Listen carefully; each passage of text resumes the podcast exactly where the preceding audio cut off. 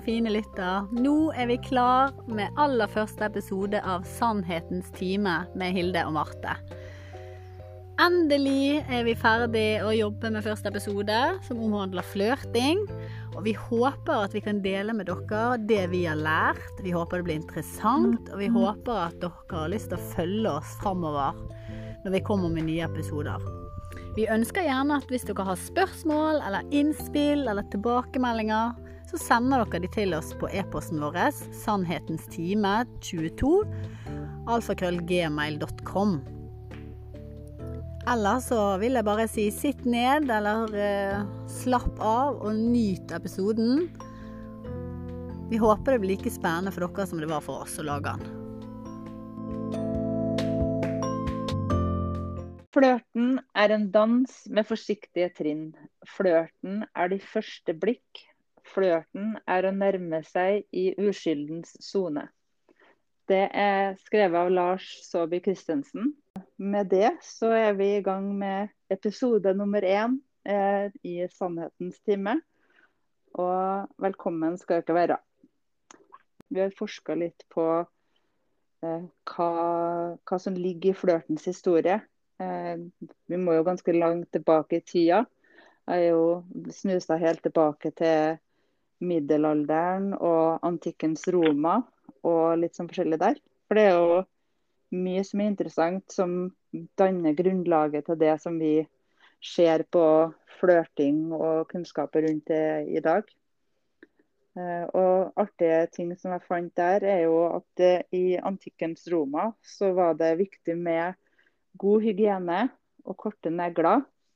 Og i nesa så skulle det være null hår. Og så var det lurt å ha ett eller to kjærlighetsdikt på ermet, for da var du en sikker vinner innen sjekkinga. Eh, en annen ting eh, i antikkens Roma var at det var en som het Ovid, som fant ut at han skulle lage ei hjelpebok, eller dating- og flørtehåndbok for uh, usikre menn og kvinner som skulle ut i den praksisen. Men det interessante og litt komiske med den boka, det er at den er ikke bare skrevet for single folk, som man kanskje da vil tro. Men den er også skrevet for uh, mannfolk som da har lyst til å gjøre kur på ei gift dame, eller kurtisere eh, ei gift dame uten at ektemannen hennes eh, vil legge merke til det. Og det er jo noe ganske merkelig å skrive bok om. Hvis du skulle hatt en sånn bok eh, i dagens eh, system og samfunn, eh, Hildegunn, det har vært litt eh, spesielt. Ja, Det hadde vært ganske stilig. jeg skulle gjerne likt å lese den boken. Og jeg er sikker på at hvis vi leter hardere, så hadde det sikkert fantes noe på et bibliotek eller et eller annet. Men det hadde jo vært litt interessant, for dette har jo endret seg ganske mye fra den tiden til nå. Det, og det er litt sånn er, jo sikkert få tak i den boka òg, for den heter jo 'Ars Amotoria'. Så det må jo være noen mulighet til å finne den og lese den. Ja, absolutt. Det tenker jeg sikkert. I hvert fall når du har navnet der, så tror jeg nok vi kan få til det. Ja. Det er litt sånn som du nevnte også, at nå når vi, vi har valgt flørt som første episode, det, jeg tenker det handler litt om hva tid vi er inne i. Nå er vi inne i sommer. Sant? Vi er kommet til slutten av juni, det er sol og det er flott vær. Det er eh, mye avkledde kropper, altså det er varmt. Åh, det er så deilig. Og flørting mm. det er en stor del av oss som mennesker. Vi er født med flørtespråket. Babyer flørter, ungdom flørter, voksne, eldre. Alle flørter. Du kommer ikke unna det. Det er bare noen som gjør det mer bevisst enn andre, men vi har det alle i oss. Det er ja. et sykt spennende tema. Og gud så mye jeg har lært mens vi holdt på å skaffe informasjon og, og alt mulig jeg ikke tenker over. Jeg er en sinnssykt stor flørter. Jeg, vet, har alltid vært en stor flørt. Men jeg ante ikke hvor mye liksom ubevisst flørting. Altså, for ja. det er jo ikke sånn, Flørten er så mye mer enn å ville ligge med noen. sant? Altså, det, det er liksom en måte å kommunisere på. Du gjør det på ubevisst og bevisst, og du har målrettet og ikke målrettet. og mm. Det er så sinnssykt mye Det er så stort spenn på flørting. Ja. Og det er det, det, vi prøver å belyse litt med denne her. at det er Veldig mange tenker jo det at ja, flørting, kurtisering, det er at du har et mål sant, om å få ligge, eller for å, å få deg en partner så du kan formere deg. Men det er så sinnssykt mye mer enn det, og det er det som er gøy. Det som er interessant nå, er jo at det er jo, det er jo ingen eh, Det er sjeldent og ingen som bruker ordet kurtisering. Men Mm. fra gammeltida av så var jo kurtisering det ordet som ble brukt. Du ser jo f.eks. Eh, Bridgerton-serien på Netflix. Der, er det jo, der omhandler jo kurtisering det, og, hvordan mannfolkene skal varte opp og ta vare på. Og det er jo en sånn, Der har jeg også funnet en sånn fakta tilbake til 1800-tallet med vifter og sånne ting. er jo det at eh, Med de viftene så oppstod det jo kodespråk basert på bevegelsene som de gjorde med viftene. Og der var det jo sånn at om ei dame lot viftehåndtaket berøre munnen, så betydde det at eh, ja, nå kan du bare komme og kysse meg. Men det, hvis derimot viftehåndtaket berørte venstre kinn, så var det en avvisning, og det var avslutta. Og det er jo litt interessant eh, å se litt på at du får sånn kodespråk, danner et eget, eh, en egen måte å kommunisere på uten å bruke ord. Mm. Ja, det òg er jo veldig spennende. Så er det veld, veld, litt sånn interessant med hvor, hvor finner vi den oppskriften for hva som gjelder til enhver tid. Men, og det finner vi fortsatt i, i dagens samfunn. Det er jo veldig mye tolking, og, og du må være åpen for å kunne tolke signaler til den andre parten, og være åpen for liksom, hva ser du? Det, ser du det du vil se, eller ser du det som faktisk skjer? Mm. Og når du leser på Wikipedia, for jeg måtte selvfølgelig google hva Wikipedia skrev om flørting, og hvis du leser der, så bruker de òg både flørting og kurtisering, da. Mm. Og det er jo, De sier at det er eh, form, en form for menneskelig samspill som uttrykker en seksuell eller romantisk interesse i en annen person. Også at det kan bestå i eh, konversering, kroppsspråk eller lett fysisk kontakt. At det kan være ensidig eller gjensidig. Mm. Og at kurtisering det er muligens mer nærgående eller seriøst enn uskyldig og humoristisk flørting. Også I vestlig kultur så kan kurtiseringen bestå av eh, øyekontakt, blunking, det kan være utfordrende smil, smiger, erting. Det kan være gaver, eh, online chat, beinflørting, tilfeldig berøring. Du kan sende blomster. Det kan være ubevisste signaler, som f.eks. å berøre håret sitt, eh, lene seg forover. Du kan slikke deg på leppen. Det kan være komplimenter eller å gjøre tjenester for hverandre. Ja, det er masse, vet du. Mm. Det er jo et stort tema vi har funnet oss.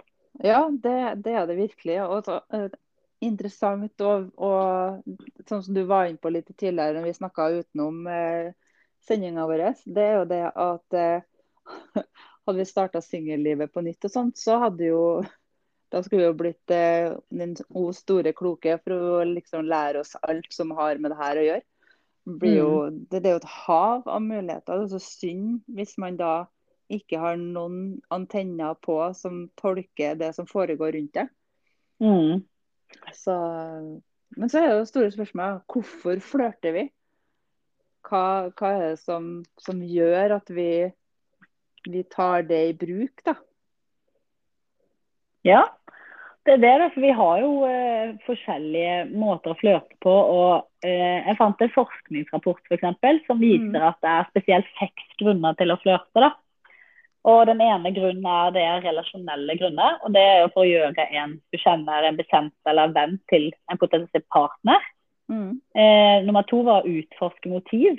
Det er for å sjekke om noen andre er interessert i det. Eh, og så nummer tre var moro. Det er for å ha eh, det lekent og en spennende interaksjon med et annet menneske. Nummer fire var eh, instrumentelle grunner. Og det var for å oppmuntre noen til å fullføre en oppgave. F.eks. Ja. en husarbeid. sant? Ja. Og så har du Agda-motiv for å forsterke ens egen selvtillit. Men jeg tenker her kan det også være motsatt. Man kan godt flørte med noen hvis, for å forsterke den andres selvtillit. For det er jo, klart det. ja, for å flørte er jo en bekreftelse på at du ser noen. Sant? At du liker det du ser. Mm. Eh, og så det siste var jo sex, da, for å få en seksuell partner. Ja. Så det viser jo seg at det er mange forskjellige måter å flørte på, og mange forskjellige grunner til at vi flørter. Ja, de, de fleste tror jo, som det har jo jeg gått og trodd, at flørting, da skal du ha et mål for liksom ja, få med deg en partner hjem fra byen, eller ende opp i senga, eller liksom Det skal være en kjærestekategori, da. Men mm. man, flørtinga omhandler jo ikke bare det å skaffe seg en partner. Sånn som du sier, det, det dekker så veldig mange andre områder òg. At det blir jo Du må jo ha et leksikon liksom, for å tyde hva du skal frem til, og, og sånne ting. Mm. Og det, det, er jo kult òg, for vi har jo, det er jo to ulike definisjoner av flørting. som du var innom. Det er jo den målretta flørten som, som, kan brukes som et verktøy da, til å skaffe seg en partner eller en livsledsager. Og så når, når, når, du bruker den og praktiserer og får tak i den personen du ønsker, da, så, så er jo den flørten lagt på hylla. Og, og da blir det den hverdagslige flørten som tar over igjen. Og så har du den andre definisjonen, da, som er den formålsløse. Den som kanskje folk flest tenker over når man står i baren uh, ute på byen en fredagskveld eller en lørdagskveld og bare sender et blikk og kjenner at eh, i kveld har jeg det, altså. I kveld skal jeg sjekke at uh, man kan være dama på byen eller uh, mann i gata og sånne ting òg. Mm. Og, og flørte uten å ha et større formål. Så det og så har man den muligheten der, eller ikke muligheten, men der man skiller mellom eh, ikke-erotisk eller erotisk flørt flørt, eller erotisk formål med flørten. Der det enten så flørter du bare for å ha det artig, eller som du sa, flørter man for å ha et resultat med at man har sex. Så mm. det, er så, det er så store rom. Ja, det er sant det. Og så er det jo viser det seg det at eh, flørting altså det, det, er ikke noe lett å flørte. Det er ikke lett å vite hvordan man skal flørte. Det er ikke noe triviell aktivitet. Sant? Altså Det krever veldig mange ferdigheter å flørte. Det krever et, et, eh, eh, et visst intellekt, det kroppsspråk, det krever kreativitet og ikke minst empati. Ja. Så på sitt beste så kan flørting være liksom en enorm kunst. Enten om du skal finne deg en, en partner, en sjelevenn, om du skal ha sex, om du skal manipulere en potensiell kunde, eller om du bare skal være leken. Mm. Det er likevel en kunst liksom, å kunne gjøre det riktig for å sende de riktige signalene til den det gjelder.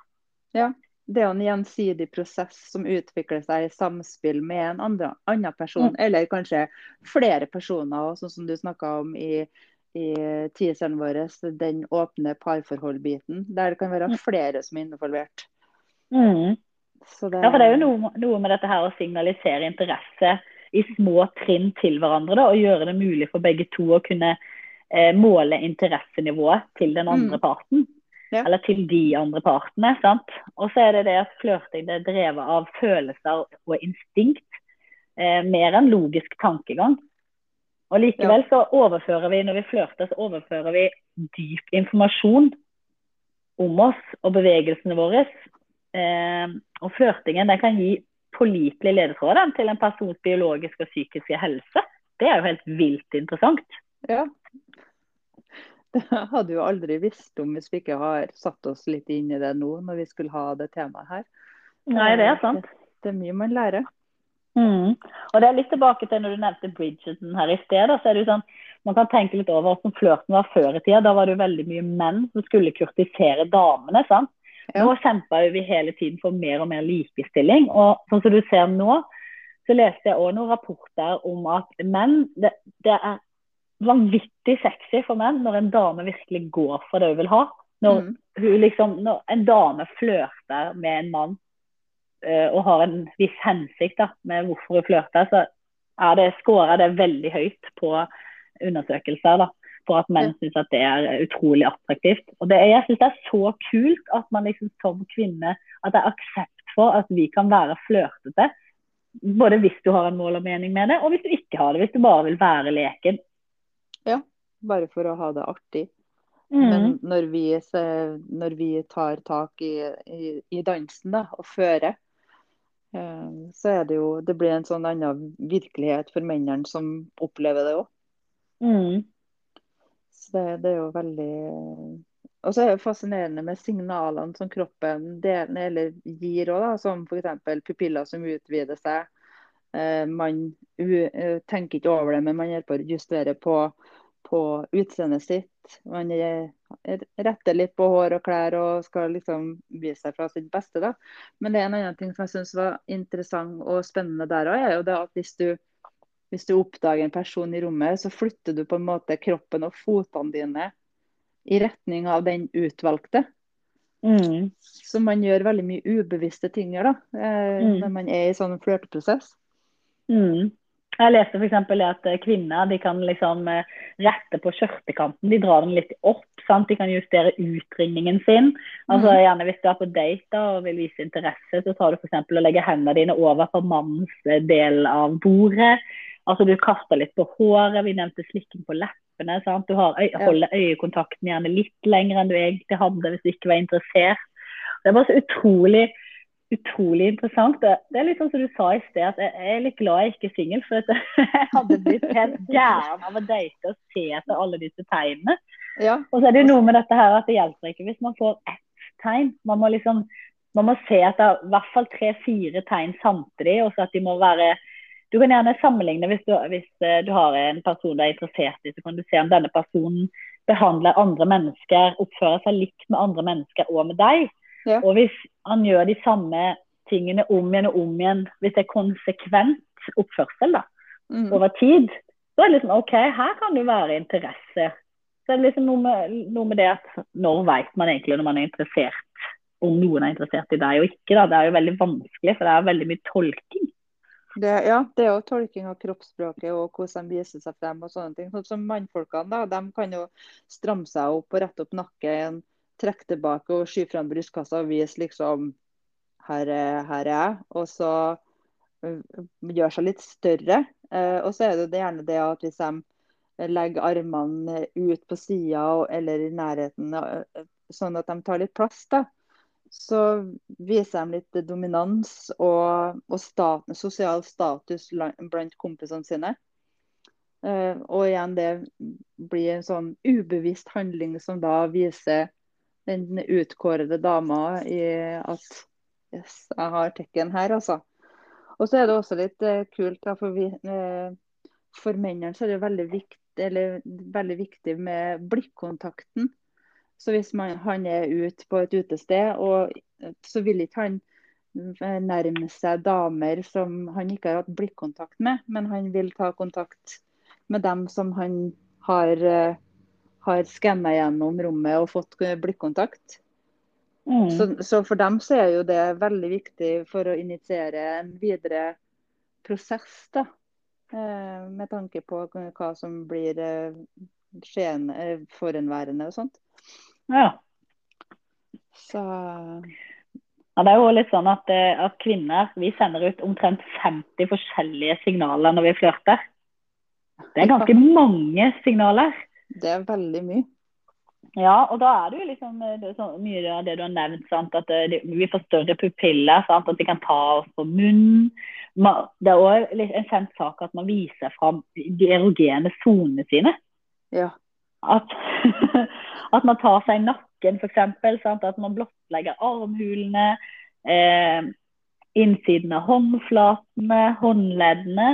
Mm. At man har korslagte bein, f.eks. Eller at man særtegner eller viser utsiden av lårene.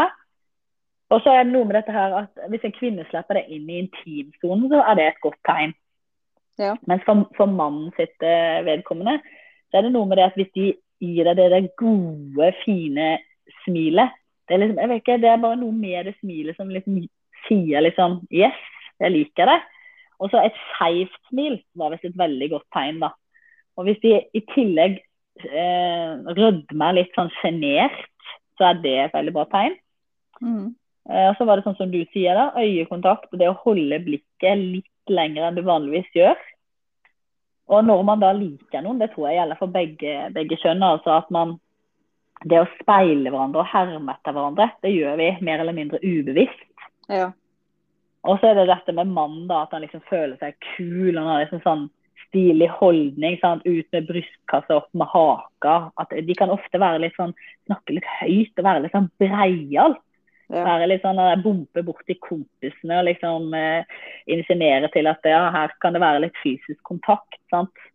Ja, det er jo det Når spøkene dunker borti, så er det litt sånn Jeg har kapasitet til å ha fysisk berøring i forholdet, jeg òg. Så det, det, skal du få av meg, på en måte. Mm. Det, og så er det jo noe med dette her at når man konverserer, da, at man stiller spørsmål, sant? lener seg litt framover, at man er nysgjerrig, at man lytter, ikke minst. Ja, og så denne, denne tilfeldige bumpa borti deg, den er jo veldig typisk, da. ja, hvem har ikke opplevd en sånn bompe borti-ting? Nei, ikke sant. Ja. Og hvem har vel ikke opplevd noen sjekkereplikker? Har du noen one-liners som du kan huske å ha fått? du har jo sånne klassikere at eh, ja, så snuppa, skal du være med meg hjem og se på frimerkesamlinga mi? Eller så har du den eh, Jeg trenger ikke å se på stjernehimmelen i natt, fordi at jeg kan jo se på øynene dine. Ja, ikke sant? De er jo, de er jo fine.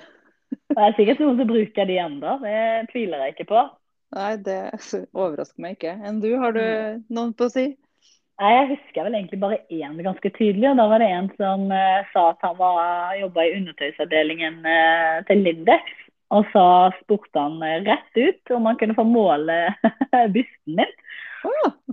Så jeg bare OK, det var en ganske spesiell sjekkereplikk. Han fikk ikke noe napp, da. Så, han klarte ikke å forklare så godt hvorfor han trengte å måle min byste for å Så nei, han burde kanskje ha gjennomtenkt den litt mer. Ja, det, eller kanskje ikke ha med, ha med så veldig mye flørtereplikker og sånne ting. Ja, jeg har vel inntrykk av at det egentlig ikke funker noe særlig. At det er veldig gjennomskuelig.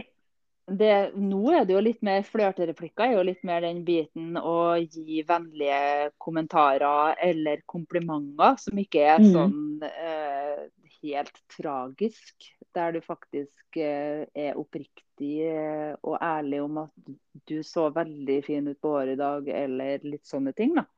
Mm. Som er litt mer som har eh, kommet opp i, i lyset nå. Mm. Ja, jeg tror, jeg tror liksom begge kjønn egentlig får det mer og mer forstår mer og mer verdien av komplimenter, ikke minst. da, altså Dette her at det kommer fra hjertet. at Det, liksom, mm. det skader ikke. altså Hva er det verste som kan skje hvis du gir noen et kompliment? Ja. Altså Det at de ikke tar det, sant? at de ikke takker for det eller et eller annet. Og Det er jo egentlig ikke en avvisning heller. Det er jo liksom bare at de har gjerne litt vanskelig for å ta det til seg. De tror gjerne ikke på det du sier, sant? men det går jo mer på de enn hva du som sier det. Ja, det, det er litt, men, det er litt eh, verdiene der, ja. Ja. Mm -hmm. Og så er det jo en kjent sak med dette her at menn de har veldig lett for å overvurdere kvinners interesse, mens kvinner de er veldig vanlig at de undervurderer menns interesse. Det er ganske interessant, for det finnes tonnevis av studier som viser akkurat dette her. Mm. Og konklusjonen den er ofte den samme, og det er nemlig at evolusjonen den har favorisert mennene med tendensene til å overdrive sin egen attraktivitet. Og Jo hottere en mann syns han sjøl er, desto større er sannsynligheten for at han overvurderer interesse fra det motsatte kjønn. Ja, ikke sant? Ja, Det syns jeg er litt artig. For dette, Som mann da, så kan du gjøre to ting feil når det kommer til flørting. Det er jo det at du, Først kan du tenke jøss, denne damen der, hun er virkelig interessert i meg. Mm. Og ders, dersom hun ikke er det, så er det har det en kostnad. Og det er f.eks. at ja, du blir flau, da. sant? Altså Du fikk en eh, knekk i selvtilliten eller, eh, eller for omdømmet ditt. Mens den andre feilen du kan gjøre, det er at hun er interessert, og så skjønner du det ikke. Du ser det overhodet ikke. Og da går du glipp av en mulighet til å pare deg. Ja. Og det er jo en enorm kostnad, det òg, når det kommer til reproduksjonen. Hadde jo vært i gamle tider, så har du jo strøkket på eksamen nesten med å gå glipp av det der. Så det, det er jo så viktig. Ja, ja, ja. Så da kan jeg jo skjønne det, at logikken blir at det, det er verre å gå glipp av den eh, reproduksjonsmuligheten. Mm. Sant? Enn å få den kalde skulderen. Ja, det... Og så er det jo ofte det at disse her guttene med mye selvtillit, de har jo gjerne ofte en sånn der eh, one-liner på en god unnskyldning ved en eventuelt avvisning. Og da er det liksom litt sånn ah, Sorry, baby, da kan det ha vært eh, vinnergenene mine som eh, spilte meg et push der, eksempel. Tok bort meg litt. ja, ja, ja. Lurte meg litt der. Jeg la igjen antennene mine hjemme i dag, jeg sa at jeg beklager. Ja, ja, ja. Ja. Og da er det bare å gå videre til neste, da. Sånn at det er litt liksom ikke noe Det tok ikke så hardt på. Nei, ikke sant. Da blir det lettere å komme inn. ja. Mm. Mm. Og så fikk jo jeg, jeg fikk jo faktisk et innsendt spørsmål her jeg, av en som hadde sett denne eh, tisa, eller at vi skulle komme med podkast. Ja. Og da var det, det spørsmålet var hvor lenge må man flørte før man har sex? ja, det Ja, hva, hva kommer vi fram til der?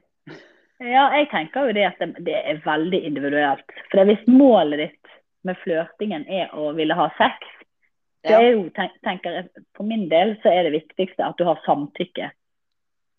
At den, at den du flørter med òg vil ha sex. Og da, da er det vel ingenting i veien for å bare gå inn på dassen da, hvis du er på et utested og har sex, eller eh, Altså, ja, do what you gotta do, tenker jeg Det, blir jo, det, det der blir jo sikta til den eh, erotiske versjonen av flørtinga der du på en måte er ute etter. Eh, men der er jo kose, hygge og sånt òg. Så som du sier, eh, er begge klar for det og begge har lyst, så la det nå ende i sex, da. Der du Mm. føler at det passer for deg. Mm. Så, Mens noen mennesker sant, de er jo sånn at de har lyst til å flørte kjempelenge. Sant, og holde på spenningen i lang, lang tid sant, før de Mm. gjerne hopper til køys. Så det der er kjempeindividuelt. Så her må man jo nesten bare være veldig sånn høysensitiv for å lese eh, for å lese person- den andres signaler, ja. Ja. Så, jeg tenker Hvis du er skikkelig ballsy, så spør du. Det er Ja. ikke usexy å spørre. Nei, da viser man bare selvsikkerhet, og at Mm. man eh, vet litt hva man ønsker sjøl òg. Man, eh, man har jo hørt om dem som bare eh, har det artig og lever livet på en måte og ikke vil etablere seg. Og der, Hvis man ikke spør der, så vil man jo aldri egentlig komme frem til det. Nei, det er sant, det.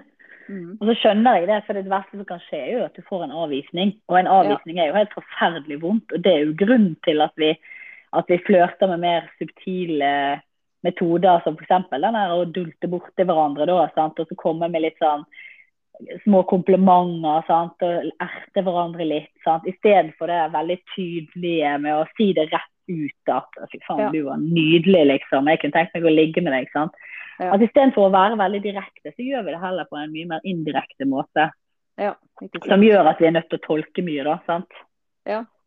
Og så blir det mye lettere. hvis- Det er en kommunikasjon òg. Hvis man er åpen om ting og tang, og man våger å spørre om ting og tang tidlig i flørten og tidlig i leken, så vil ikke ting dras ut i for lang tid. Og så blir det mindre sårt da, hvis det skulle være noe som egentlig ikke er noe langvarig, men en kort liten flørt og litt moro på si. Mm. Mm. Og så fikk vi et annet spørsmål her, og du var vel så vidt inne på det òg. Og det var hvor viktig er komplimenter i nåtidens flørting? Ja. ja, der sa vi jo litt om det. At nå er det jo mer det å se den andre personen. Eh, være litt seriøs og kompliment, gi komplimenter på hår og utseende, litt sånne ting. For det, utseendet er jo ganske viktig for veldig mange, som, som har vært innom nå. Og så er det jo det at man ubevisst retter på håret, man retter på klærne. Man gjør seg fin for den andre personen. da. Mm. Så, så der er det nok eh, det er nok like viktig nå, om kanskje ikke viktigere på sett og vis, enn hva det har vært, har vært tidligere òg. Mm. tenker, tenker nå jeg. Ja, det er sant. Jeg er enig med deg. Mm. Mm. Og så et annet spørsmål. Det var hvordan kan du se om noen flørter med deg? Ja. Og det var vi jo så vidt innom, da. Det er jo dette her at det kan være både subtilt og indirekte. For noen ganger så er det vanskelig faktisk å tyde om noen uttrykker eh, interesse eller ikke. Mm. Og så dette her at du må se etter tre-fire tegn på en gang. Der alle forteller det samme. sant? Ja. Litt som f.eks. at hvis du har hodet på skakke, smiler og ler av vitsene dine for eksempel, eller og stiller spørsmål til det du sier. Litt sånn leker med håret. berøring. Ja, ikke sant? Ja.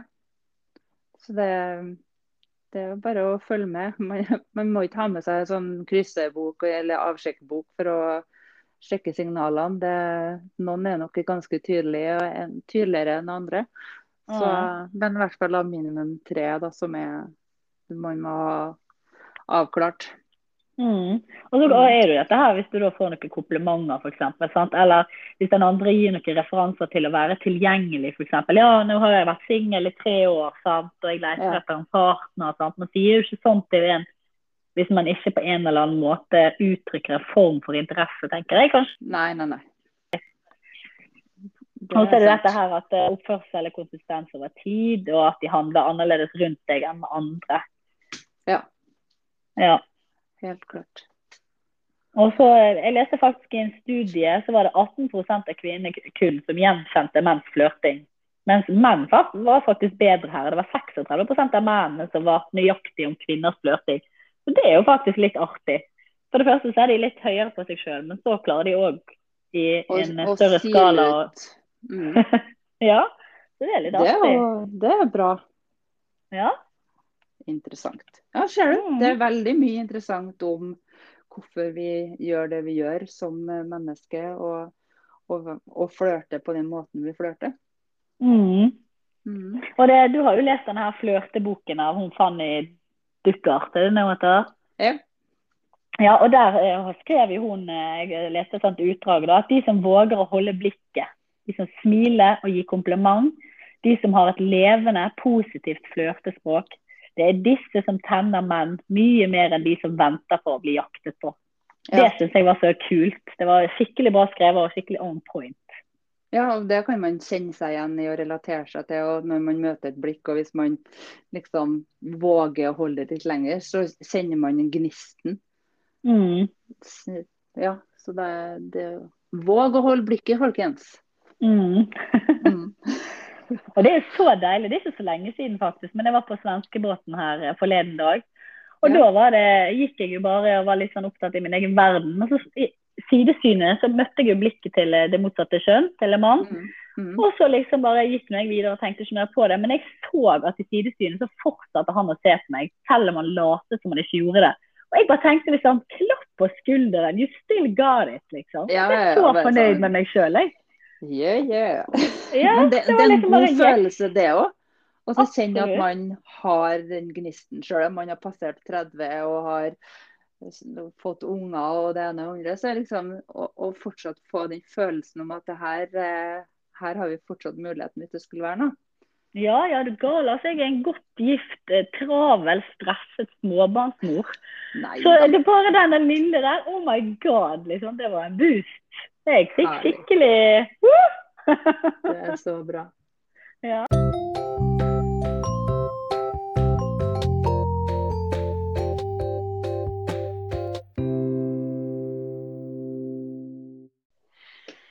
Ja vel, Marte. Visste du at eh, det tar mellom 90 sekunder og 4 minutter å bestemme seg for om du faktisk liker noen, bare ved hjelp av blikket? Ja, du, det har jeg hørt noe om. Eh, jeg har jo holdt på å lese om at det finnes tre varianter av flørteblikk. og Der snakker jeg med oss om sånn sekunder og minutter og sånne ting.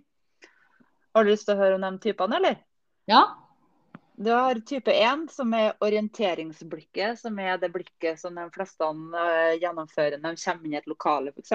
De liksom sveiper rundt i rommet og orienterer seg og ser om de møter noe noe blikk, altså derav navnet orienteringsblikket.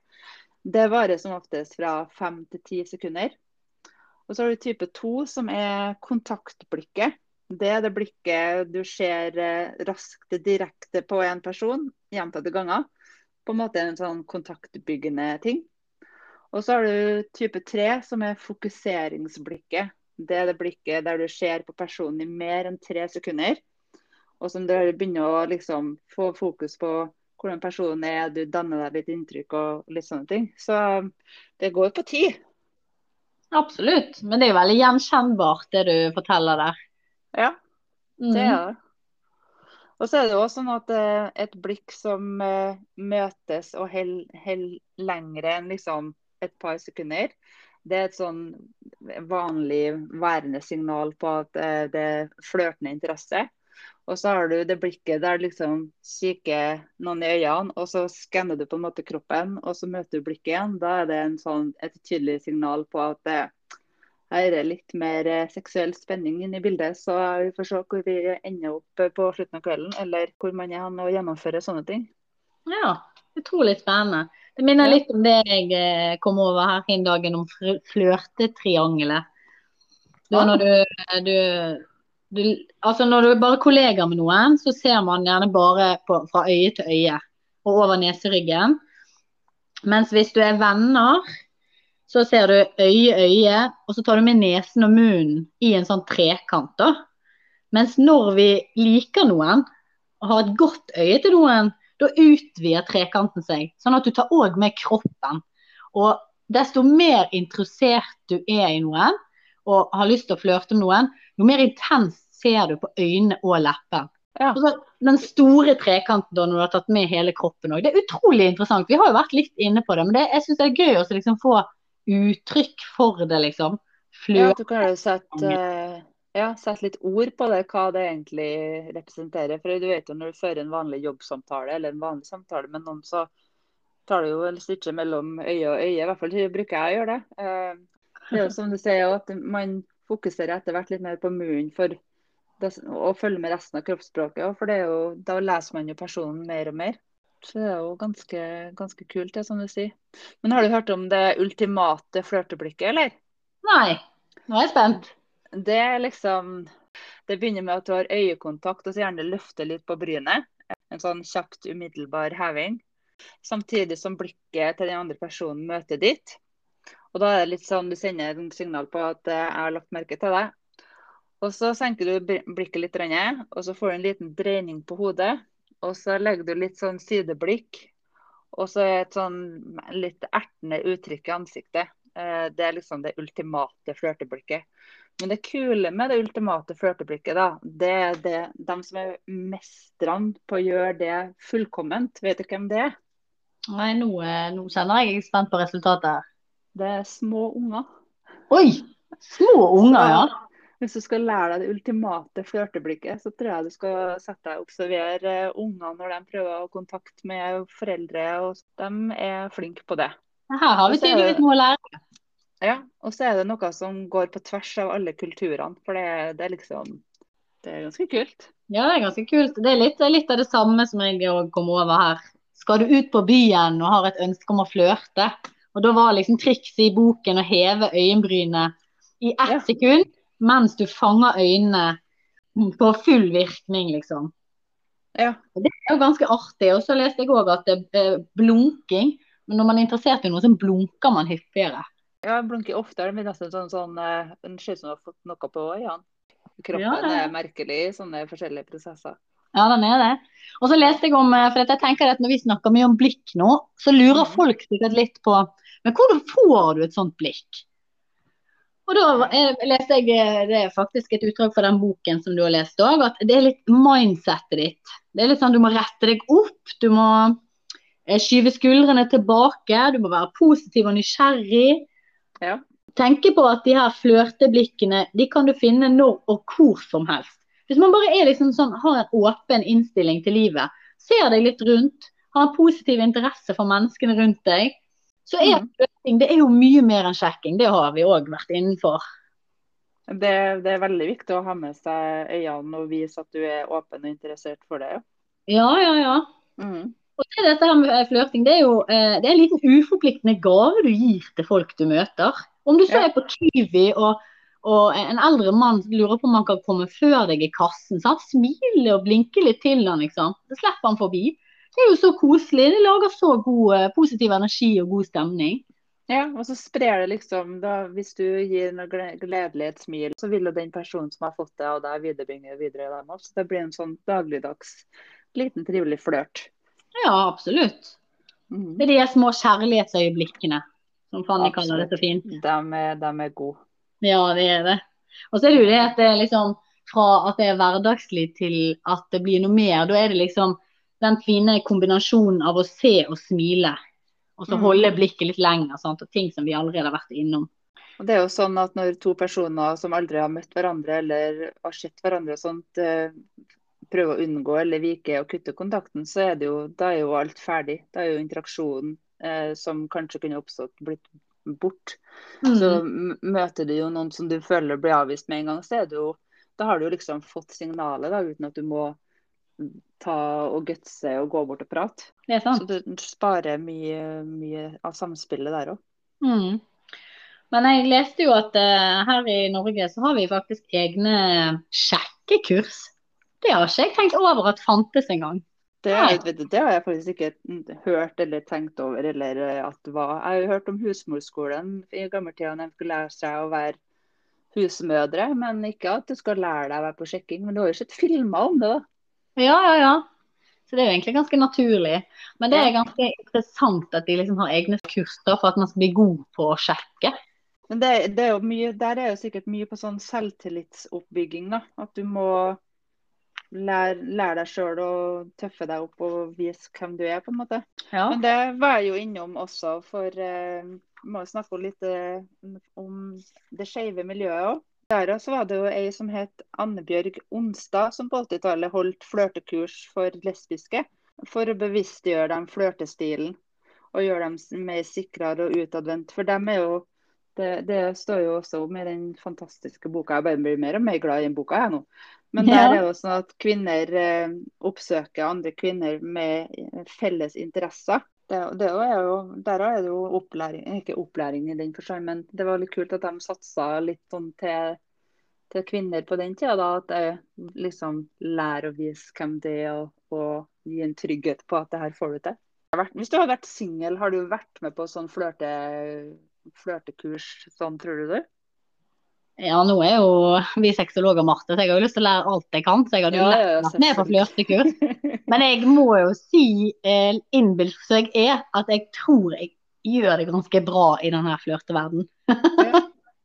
Det velger jeg å tro. Altså, nå har jeg jo vært singel en god periode, så da har jeg jo fått prøvd litt og feila litt. Og ja, det som vi snakka om litt tidligere, er at den, det å håndtere avvisninger, det er ikke alltid like lett. Nei, det er sant. Og der så... tror jeg vi har en del å jobbe med alle sammen, egentlig. Ja, så hvis jeg kunne fått en sånn opplæring på først og fremst lære meg å flørte på rett måte, på min stil og, og sånne ting, og så mm. lært meg å håndtere avvisninger på, på, en god måte der, det, da tror jeg jeg har blitt eh, superflørter, altså. Ja. Bare levd på flørten. ja, for det er en ganske deilig følelse, denne flørten, når det, du er inne i en, eh, en god uh, flørt. Ja, det er det. Mm. Men når du snakker om det der med avvisning og litt sånne ting, så tenker jeg òg det at, at uh, det er jo veldig viktig å være sensitiv for den andre og de signalene de sender, for det er veldig lett å misforstå. Det er fort det, altså. Ja, og så tenker jeg det er viktig å, å tenke på at det finnes en gråsone. Ja. Og vi må være sensitive for den andres reaksjoner. Så f.eks. Eh, med tanke på berøring, så er jo det ekstremt viktig. Ja. At litt sånn at man er bevisst seg sjøl, størrelsen vår, altså hvilket kjønn vi har. For det Forskning den viser faktisk at det er lettere å bli berørt av kvinner enn av menn. Og det har med dette her å føle seg eh, truet, sant? og hvor beskyttet man føler seg, og litt sånn forskjellige ting. At du alltid har mulighet til å trekke deg vekk hvis ja. du skulle føle på et ubehag. da. Og det er jo veldig individuelle forskjeller òg blant kjønnene. Ja. Eh, der, vi har jo Intimgrensen vår er et veldig godt eksempel på det. at Den har vi f.eks. veldig forskjellig sted. Mm, noen liker ikke å bli klemt og, eller annen fysisk berøring, mens noen er veldig glad i det. og, og litt sånne ting. Og så tenker jeg at konteksten òg for berøring er veldig viktig. Ja, men der, jo, der er jo litt den eh, hva folk har behov for der og da. For jeg har jo vært borti dem som vil, er veldig kosete, men når vi er ute i sosiale sammenhenger, sånn, så er da er intimgrensene mye bredere ut. Mm. Så det, det, man må jo lese og finne, lære seg å kjenne personen man ut ifra det òg, da. Mm. Man tolker de rette signalene, eller sender de rette signalene. Mm, absolutt. Mm. Jeg bare tenker Et veldig viktig prinsipp å ha i bakhodet det er liksom at hvis man da prøver seg på en litt lett berøring eller noe, så må man være litt oppmerksom på svaret du får, da. Ja. Hvis den andre på en måte åpner opp litt og lar deg få lov å ta deg på skuldra, sant? så kan du på en måte trappe opp et lite hakk. Ja. Men så er det noe med det å finne, liksom, ikke gå for fort fram, finne rytmen liksom, for hva som passer. Men jeg føler jo der òg at hvis du starter på hånda først, Og ikke gå Mhm. rett på skuldra, for der og bare fra håndflate eller håndbakken og opp til, opp til skuldra, så er det en god avstand. Mm. Så hvis man bare der òg kan teste seg litt frem, og så se hvordan avvisninga eller eventuelt mottaket på det er, så vil jo, vil jo få et uh, hint der òg. Mm. Det er sant, det. Men jeg tenker vi har jo òg ord. Selv om alle syns det er kjempeskummelt å si ting med ord. Men eh, det er jo lov å spørre liker du klemmer. Altså, jeg er veldig glad i å klemme. Jeg gjør ofte det, for jeg er en ekstremklemmer. Ja. Og jeg har jo vært borti jobbsammenhenger der folk får jo helt panikk hvis du skal klemme de har det når du reiser hjem på jobb, eh, fra jobb, f.eks. Jo, det har jeg vært borti dem. ja. Sånn, ja, ikke sant. Og det blir litt sånn gruppepress. For det, man liksom du skal, du, det er fem stykker som drar hjem, og så sitter vi alle rundt bordet. Og så liksom OK, nå er det klemmetid. Og så stiller alle seg opp, og noen er jo stiv som en stokk, for de vil jo ikke bli klemt. sant? Ja, eller dem som du, du føler at du er noe galt med deg, for de er så vidt borti deg. Og da er det jo at da overser jo vi disse tegnene på at disse her er jo ikke De vil ikke klemmes. Men der òg, du må jo på en måte hive deg litt ut i dansen for å finne ut om det. Mm. Det er sant, Eller det. bare være veldig tydelig på at uh, det, my space is not your space. Så eh, kroppsspråk, alfa og omega. Ja, det er sant, Men det. du, sosiale møtesteder, Ja. der Det er er det mye spennende. spennende. Det er, det er veldig spennende. For det er jo veldig mange som, eh, som finner den eh, utkårede der, eller finner flørten sin der. Og der Mhm. er det jo sånn, de, de oppsøker jo det sosiale fordi at det er lett og akseptabelt å komme i snakk med fremmede. Du kan liksom stå i baren og bestille en øl, og så eh, kommer du i prat med noen. Eller som du nevnte tidligere, stå i kassekøa. Og så oppsøker man jo plassene for at det er en felles interesse med felles fokus. Mm. Og da skaper jo det jo engasjement. Men også er det på mange områder eh, alkoholen ja. den, eh, den, fri, den slipper jo opp eh, og fjerner litt hemninger, og kanskje gjør at du har mindre sperrer for deg sjøl. Ja, det kan jeg se for meg. Og det er jo for mange et veldig vesentlig eh, flørteverktøy i hverdagen. Når de skal ut og finne neste flørt. Mm. Men det er jo veldig kjent altså Nå har jeg snakket, Jeg vet vi skal ha dette i en senere episode om dating, da. Men jeg vet at Mm. veldig mange for å ta av det verste eh, presset og stresset og maset og nervøsiteten, da, så tar veldig Mm. mange seg en øl på date. Ja. Og da syns de denne flørtedelen blir lettere, det blir mer naturlig. Det blir ikke så tilgjort da, hvis de kan få den ene alkoholen innover. Og det er jo litt interessant. Men jeg har jo opplevd det sjøl, det funker jo. Ja, jeg har, eh, har hatt et par øl innabords jeg og funnet at det, det er mye mindre hemninger som hindrer meg å gjøre, eh, gjøre en entré og slå av en prat og sånne ting. Det, det skal ikke jeg legge under teppet. Nei. Så, men det det, du, du viser jo Jeg tenker du li, viser jo litt feil Kanskje litt feil person, da. Hvis du drar på en første date f.eks. og har drukket deg til mot. Det kan, det kan jo enkelte ganger gi litt feil inntrykk, eller hva tenker du? Jo, jeg tenker det, men jeg tenker at eh, en øl og to, det er liksom ikke noe fare. Men Nei. trenger liksom ikke å bånske ned på sixpack på sixpack. Altså det er, der òg er det en sånn fin balanse. Det, sånn er det med alt i livet. Det er en balanse, alt mulig. Flørtingen òg er en balanse. Ja, det er det. Mm. Jeg var litt eh, innom på dette her å flørte på chat, på Snapchat og på SMS og litt sånne ting. da. Litt sånn tips og triks til hvordan det fungerer. Ja. Da er det jo sånn eh, Det er jo ikke ta deg sjøl høytidelig, f.eks.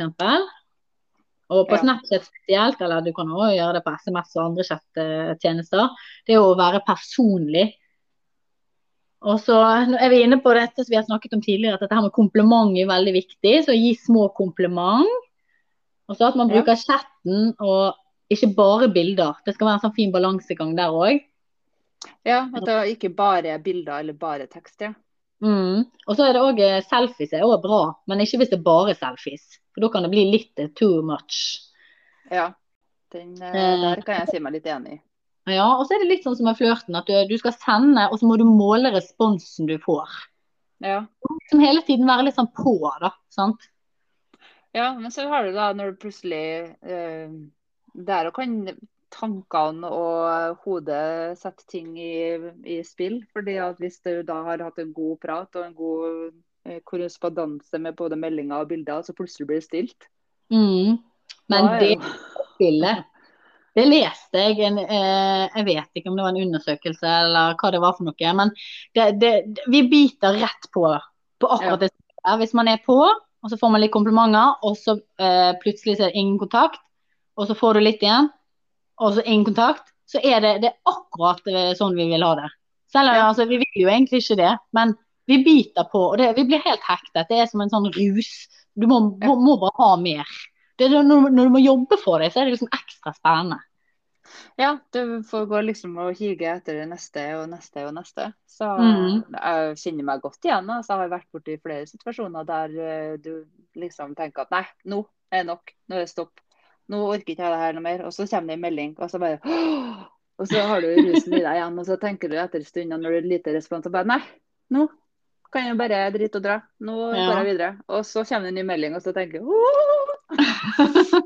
Det høres veldig kjent ut. ja, det, det er ikke så lenge siden, så jeg kan relatere meg godt til det. Ja, ikke sant? Mm. Og så er det jo noe med dette her at det må være kort og konsist. sant? At vi må være positive. Eh, at vi må spørre lekende spørsmål. Ja. Og så er det noe, litt, eh, litt sånn Vi må bruke emojien riktig. Jeg så på nyhet her ene dagen at uh, ungdommen spesielt bruker jo har sitt eget språk med emojiene. En dør, og så var det et av smilefjesene som jeg egentlig pleier å bruke ganske mye. Det Ja. betydde at du var feit som en låvedør. Å ja. Eh, OK, eh, ja vel. Og så var det ene smilefjeset tydeligvis eh, sarkasme. Og jeg var OK, den, den er grei. Den bruker jeg hele tiden og ikke skjønt at den betydde sarkasme. Nei, OK. Så her er det noen som sikkert har lurt litt på hva Det har jeg kommet veldig mange sånne nye smilefjes. så Man må kanskje lese seg opp på betydningen på enkelte av dem før man begynner å terrorisere i hvert fall eh, dagens ungdom. Ja, men jeg tviler jo på. Ja, men jeg tviler jo også på at den døren at det står du er feit som en låvedør hvis du googler betydningen av den. Så der er vi tilbake til det vi snakket om sist gang. Eh, hvordan skal du vite hva de forskjellige tingene betyr? Det er vel litt Når, når starter det? Hvem er liksom oppfinneren?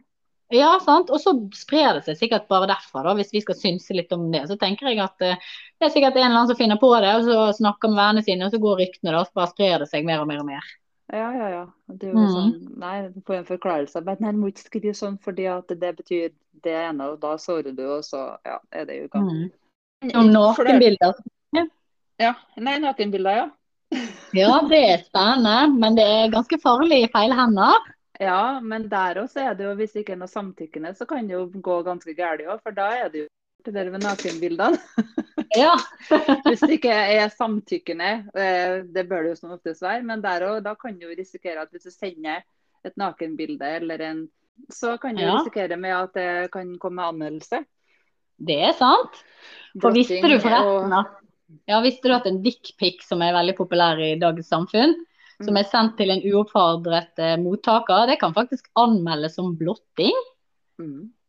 Mm, for paragraf 298 den sier at eh, seksuell, krenkende eller annen eh, uanstendig atferd uten samtykke, og der er strafferammen o- bot eller fengsel inntil ett år. Det tror jeg faktisk at det ikke er så veldig mange som tenker over. Nei, det føler jeg er ikke mange som snakker om eller tar opp. Eller så tenker jeg at nei, men vi har jo så god dialog likevel, så hvorfor skal vi plutselig begynne å anmelde noen? Men det er jo plutselig så går det galt, og så havner ting på feil plass, og så blir det misforstått. Og så står det der med politiet på døra og anmeldelse i hånda. Ja, den er litt kjedelig. Den er litt kjedelig. Eh, Mm. Får noe sånn blottestempel på seg hvis man ikke har eh, Det er jo selvfølgelig også en fetisj, men det er jo en helt annen sak som vi skal ta i, et annet, i en annen episode. Men nå må Ja. ikke skli helt ut ifra flørteverdenen her. Men eh, be aware, folkens. Ikke send uønskede dickpics eller andre pics av nakne kroppsdeler til hverandre hvis det ikke er godkjent. Nei, man har jo òg nok av eh, kjendiser f.eks. som har fordelt masse krenkende nakenbilder overalt. Mm. Så det bør jo være advarsler nok. Ja, det er sant, det. Mm. Men sånn eh, flørtearenaer, da? Hva tenker du om det? Ja, nei, det finnes jo veldig mange forskjellige. da. Du har jo eh, veldig typiske på arbeidsplassen, har du jo en. Yes. Det er jo en klassiker, egentlig. For arbeidsplassen er jo ditt andre, andre liv. Det er jo der det er, veldig van, det er faktisk veldig vanlig å ha flørterelasjoner på arbeidsplassen med arbeidskollegaer. For jobben tar jo selvfølgelig en kjempestor del av livet ditt. Det er sånn, Du er mest på jobb om dagene, og så er du hjemme, og så er du sosial hjem, og så sover du. Så det er jo helt naturlig. Mm. Og der deler man jo mye av livet, og man har fellesinteresser. Og så er det liksom det fine der er det jo Du er på en måte deg sjøl uten at alkoholen er innblanda. Så du deler ganske mye der og snakker åpent med folk. Uh, og så er jobbflørtinga på den arenaen er gjerne mer leken og ufarlig. Ja. Men det negative da, er at det kan bli så sterke følelser fordi at man går så oppå hverandre. Og så kan du jo sette i gang eh, få noen baller til å rulle på fronter man helst kanskje ikke ville hatt eh, baller som ruller. I Ja. sine egne private forhold og sånne ting. ja, det er ikke helt heldig. Nei. Men sånn andre arenaer, da, så er det jo selskap. Alt fra familieselskaper til større selskaper og sånne ting. Og så er det jo puber og barer og nattklubber. Det er jo kjent arena for folk flest, det regner jeg med. Så har man jo den, den store arbeidsplassen. Og så er det jo undervisningssteder som eh, skoler, universiteter og høyskoler. Der er jo veldig mange som starter flørtekarrieren sin og ender opp med å få en livslang partner der. Eh, jobbkonferanser, det syns jeg jo kommer fram på Grace Anatomy. Der har det vært veldig mange jobbkonferanser der de har eh, endt opp på hotellrommet. Ja. Så har du jo utøvende sport og hobbyer og tilskuerbegivenheter som eh, fotballkamper og sånne ting. Så det er masse arenaer for eh, altså Som du var innom, nettdating eh, og sånne aktiviteter. Så det er mange muligheter for å få øvd seg på flørtekunsten sin. Å ja, ja, ja. Jeg tenker bare at eh, altså, du kan jo få flørtet uh, innenfor huset ditt òg. Så det er ikke noe problem i det hele tatt. Du kan flørte med kjæresten din eller med barna dine eller med ja, jeg vet ikke om du bor med noen kolleger eller venninner eller Nei, akkurat nå så bor jeg alene med mine barn, så her er det flørting og artig og latter og sånt sammen med dem. Men det er gøy. Ja. Så får vi ta flørtinga når vi er ute på byen eller eh, med kjæreste og sånne ting. Det er jo koselig det òg. Men flørting og parforholdet, det er jo viktig det òg. Man må ha den lille gnisten, den lille gleden og det lille ekstra piffet. Det lille krydderet i hverdagen. Absolutt. Ja. Så eh, Du har jo, har jo faktisk kommet over en liten artikkel om tips til kjæresteflørting når vi er inne på dette med kjærester. Ja. Og det er jo litt sånn at eh, I begynnelsen når vi er forelska, så er vi veldig gode. Altså, før vi i hele tatt gjerne blir forelska òg, så er vi jo ekstremt gode på flørting. Ja. Så det er noe med det å hente fram det du likte med partneren din i begynnelsen. Ja. Så eh, liksom eh, eh, Det er noe med å Hvis du skal flørte, så kan du gjerne finne bevisste måter som du vet partneren din liker. Hvis du f.eks. vet at partneren din syns det er veldig deilig at du tar, slikker deg på, slikker deg på leppa, så Ja. er jo det bare å kjøre på. Og så noen, partner, ja, noen partnere liker veldig godt fysisk kontakt, f.eks. Altså, man kjenner jo partneren sin veldig godt, så da er det å hente fram sånn at partneren kan få en følelse av at du kjenner vedkommende. At eh, du vet hva du gjør. Det, det varmer hjertet, vet du. Kom og legg hendene rundt livet hvis partneren står og lager middag. Det er Ja, en, litt ekstra i hverdagen. Kjempebra. Og så Mm. hvis man er ute og går tur, så at man holder hendene. Ser man på film på kvelden, sitter i armkroken på sofaen, ligger i skei når man skal sove, f.eks. Å, koselig. Å ja. Mm. Og så er det noe med dette å anerkjenne hverandre. sant? Og så bruke blikket som vi har snakka om. Og bruke kjælenavn, sant? rose hverandre. Mm. Og så litt kommentere det som har blitt en selvfølge. Og si takk, f.eks. Ja, Det det er viktig. Det som man gjør veldig i begynnelsen, og så glemmer man det ute etter hvert. Anerkjenne og takke for det man får av gode ord og god oppmerksomhet. og Det er viktig, det òg. Mm. Mm. Og så Når vi først er inne på litt sånn forskjellige typer eh, flørting, da, så dette var kjæresteflørting, da har vi jo litt sånn tips til lekeflørting. Og det er litt dette her for å ha selvtilliten til å kunne flørte, så må du jobbe med selvtilliten din. Ja. Eh, og så må man tørre å møte blikket og smile til folk. Og man må bestemme seg litt hva man vil med flørten. Anerkjenne, øh, gi anerkjennende ord. Og så må man by litt på seg sjøl. Ja, det, det er jo sikkert det de lærer på som flørtekurs og sånt. At det, det går jeg ut ifra at man må Da lærer man seg bedre å kjenne. Ja, ikke sant? Mm. Og så er det litt sånn man lurer på liksom, ja, men hvis det er lekeflørting, hva er da sjekkeflørting? Og det er egentlig det samme, men da fanger man blikket og smiler mer. Sant? Vi har jo vært inne på det. litt sånn For menn så er det gjerne skeive smil, det er litt positivt. Sant? Man lener seg forover, stiller spørsmål. Men så er det det å nærme seg. Det er liksom, da går vi litt over fra lekeflørting til sjekkeflørting.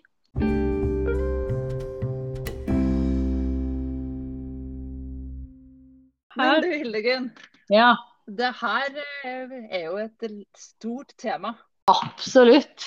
Så jeg tror eh, For nå begynner jo tida å renne fra oss, og vi skal jo ikke ta livet av lytterne våre eh, før vi i hele tatt har starta. Så jeg tror kanskje ved en senere episode at vi skal titte tilbake litt mer på flørting og sånne ting.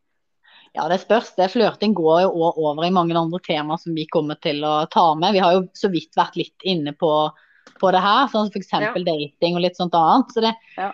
Vi kommer tilbake til det. Dere får mer informasjon, men eh, dere skal jo holde ut og orke å høre på oss noe mer. Så det er vel kanskje på tide å runde av. Det har jo vært så utrolig spennende.